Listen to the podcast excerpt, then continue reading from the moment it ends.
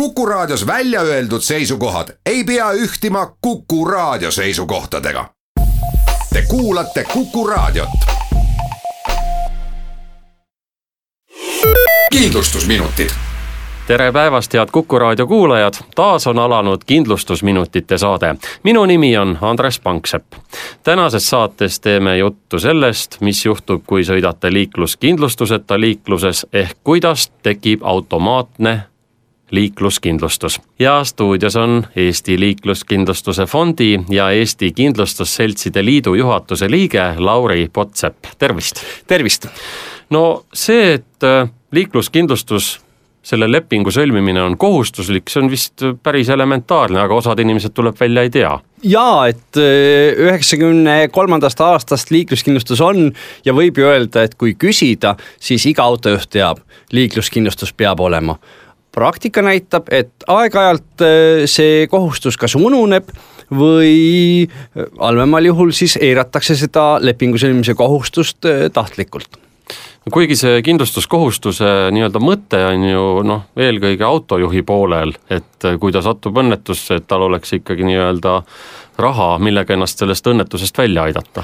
jah, päris kindlasti, et igaüks, kes läheb autojuhina liiklusse, peab sellega arvestama, et et, et ta ei saa kõiki õnnetusi ära hoida liiklusõnnetus võib toimuda tema, tema tahte vastaselt ja, ja need kahjud, mis tekkida võivad, võivad olla väga suured. seega liikluskindlustus kindlasti kaitseb kannatanut võimaliku kahju eest, aga ka kahju tekitajat ennast, et ta ei peaks ise seda kahju kinni maksma.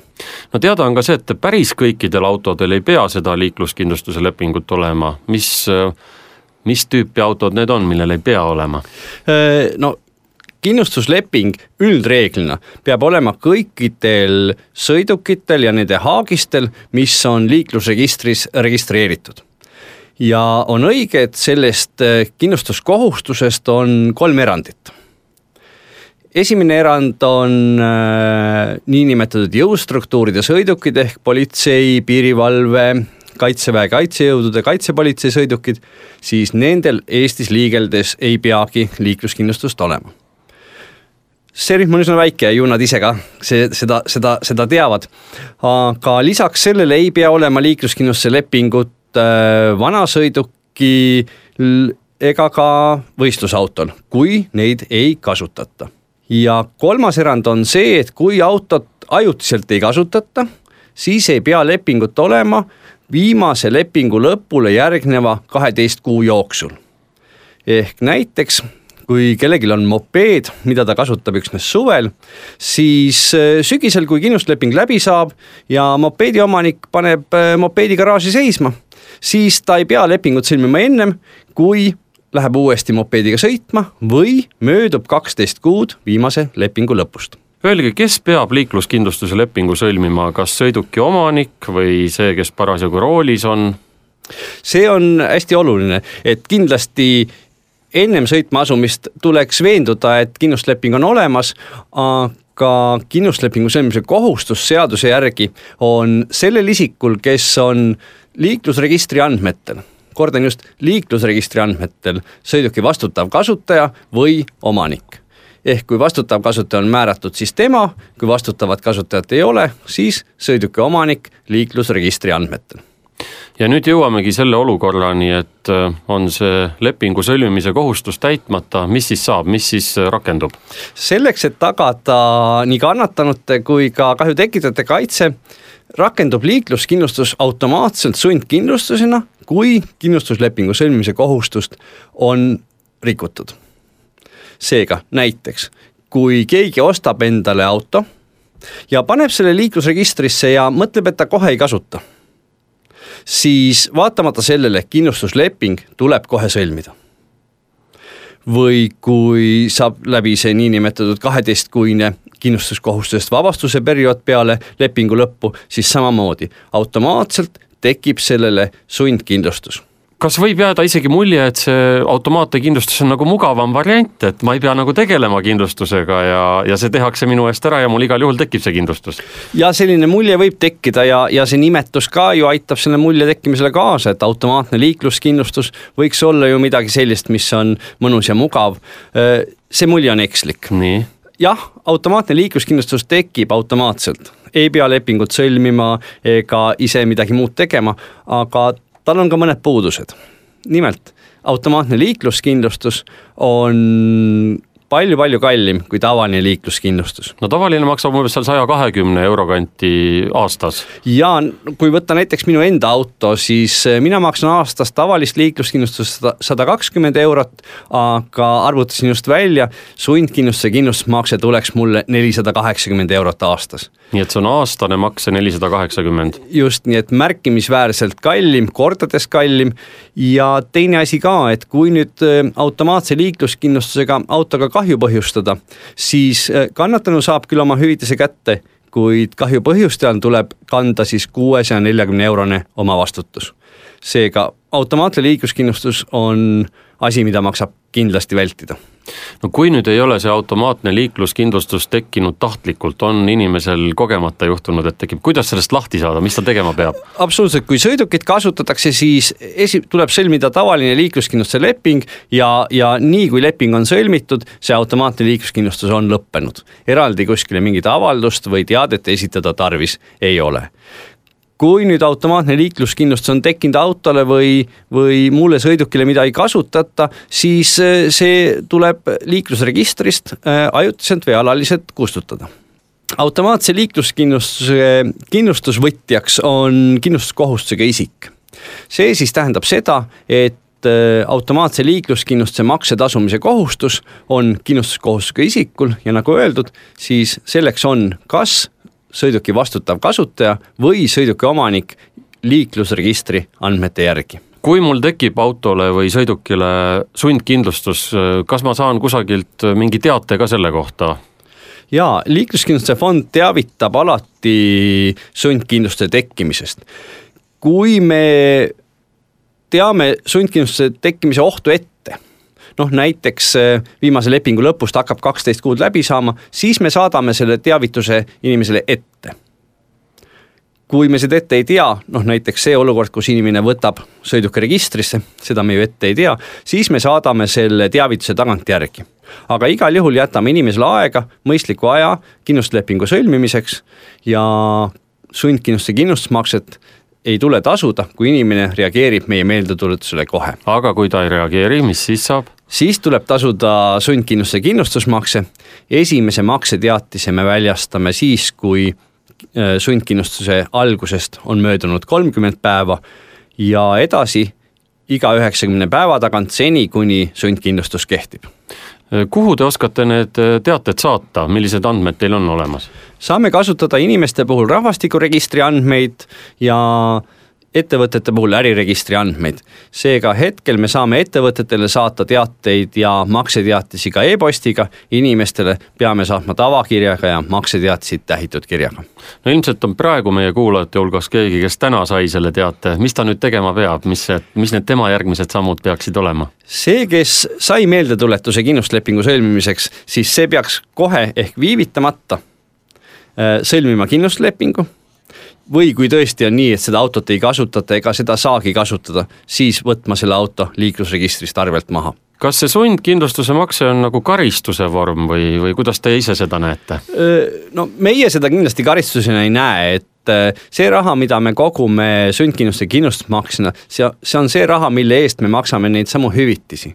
sest kui sundkindlustusega või registreerimata ja seega kindlustamata sõidukiga põhjustatakse kahju, siis selle kahju kannatanule maksab kinni liikluskindlustuse fond. seega meie seda karistusena ei võta, tõsi, klientide tagasiside aeg-ajalt on selline, et see on nagu karistus, aga, aga karistust ei ole, ta on kindlustusmakse. kui palju hinnanguliselt äh, neid automaatkindlustusega sõidukeid äh, meil praegu teedel või, või kuurides või, või hoovides seisab? Äh, me oskame väga täpselt öelda, kui palju neid sõidukeid on, ehk neid on üle kümne tuhande. Palju neist sõidab, seda väga täpselt ju ei tea, aga arvestades kahjude hulka, mida, mis selliste sõidukitega põhjustatakse, võib öelda, et tuhandeid on siiski ka liikluses kas on veel mingi rühm sõidukeid, mida teile teadaolevalt kasutatakse, aga millel ei ole lepinguid? jaa, et neid, neid sõidukeid on veel, on sõidukid, mis on liiklusregistrist kustutatud ehk kui automaatne liikluskindlustus saab rakenduda ainult neile sõidukile, sõidukeile, mis on liiklusregistris arvel, siis on märkimisväärne hulk selliseid sõidukeid, mis on registrist kas ajutiselt või alaliselt kustutatud aga neid ikkagi kasutatakse liikluses. kuigi ei tohiks kasutada, sest registreerimata sõidukiga sõita ei või, registreerimata sõidukil ei saa olla liikluskindlustust. aga praktika näitab, et on ka selliseid. millistel põhjustel tavaliselt jäetakse sõidukid liikluskindlustuseta, mis inimesed on tagasisidena öelnud või vabanduseks öelnud? seda tagasisidet on erinevat, ma alustaks võib-olla nendest sõidukitest, mis on registrist kustutatud, siis nendel on kõige tavalisem põhjus see, et et äh, inimene jätab äh, sõidukit ostes äh, sõiduki oma nimele registreerimata ja sõiduki eelmine omanik teat-, teavitab sellest Maanteeametit ja Maanteeamet selle peale kustutab sõiduki registrist. nii see peakski käima. aga ju siis inimesed hoiavad kokku riigilõivu pealt või on mingi muu põhjus, miks nad ei taha sõidukit oma nimele panna ja tihti teadmatusest tänu sellele sõidavad ringi äh, registreerimata ja siis ka kindlustamata sõidukiga teine põhjus on, on see, et äh, sõidukit ostes näiteks on lubatud, et siin on pakk pabereid ja, ja kõik kindlustused ja asjad on tehtud ja inimene ei kontrolli seda. ja noh, aeg-ajalt tuleb ette, et siis jääb see kindlustusleping sõlmimata. mõnikord sõlmitakse näiteks vabatahtlik sõidukikindlustus ja arvatakse, et äh, see, see katab ka liikluskindlustuse. nii see kindlasti ei ole, liikluskindlustus tuleb alati eraldi sõlmida sellist pahatahtlikku mm, kindlustuseta sõitmist, noh üldiselt seda, seda ikkagi ei ole, et et tavaliselt on ta kas unustamine või muul põhjusel arvamine, et, et kindlustus on tehtud ja üks võimalus on veel, kui kindlustusleping läbi saab, siis kindlustusandja saadab selle kohta kliendile meeldetuletuse. ja noh, mõnikord tuleb see meeldetuletus ajal, kus mis on ebasobiv, on see siis puhkuseaeg või, või mingi muu põhjus ja, ja ka meeldetuletus jääb kuidagimoodi tähelepanuta ja, ja inimene unustab kindlustusmakse tasuda. Siis juhtub samamoodi olukord, kus sõiduk jääb kindlustuseta ja siiski, kes hüvitab kahju, kui kahju põhjustati lepinguta sõidukiga?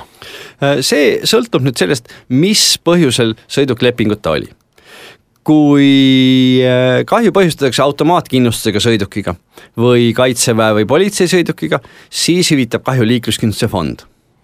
Samamoodi hüvitab liikluskindlustuse fond kahju siis, kui kahju põhjustati registrist kustutatud või muul põhjusel registreerimata sõidukiga.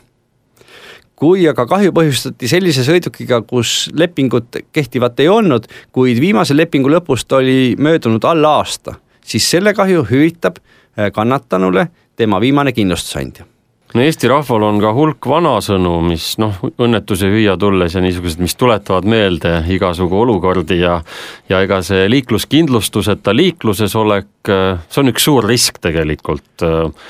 rõhutame veel kord üle, mida siis tuleb jälgida, et kindlustus oleks ja, ja et neid olukordi võimalikult valutult saaks lahendatud ja et päris, päris kindlasti, et liikluskindlustuse liikluses tähendab äh, kahte võimalikku ohtu ju.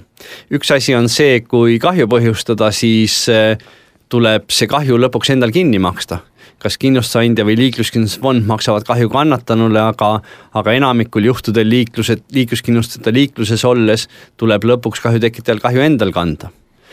teine oht on muidugi selles, et, et politsei kontrollib samamoodi liikluskindlustuse olemasolu ja, ja sõiduki juht võib trahvi saada seega liikluskindlustada liiklusse kindlasti minna ei tohi.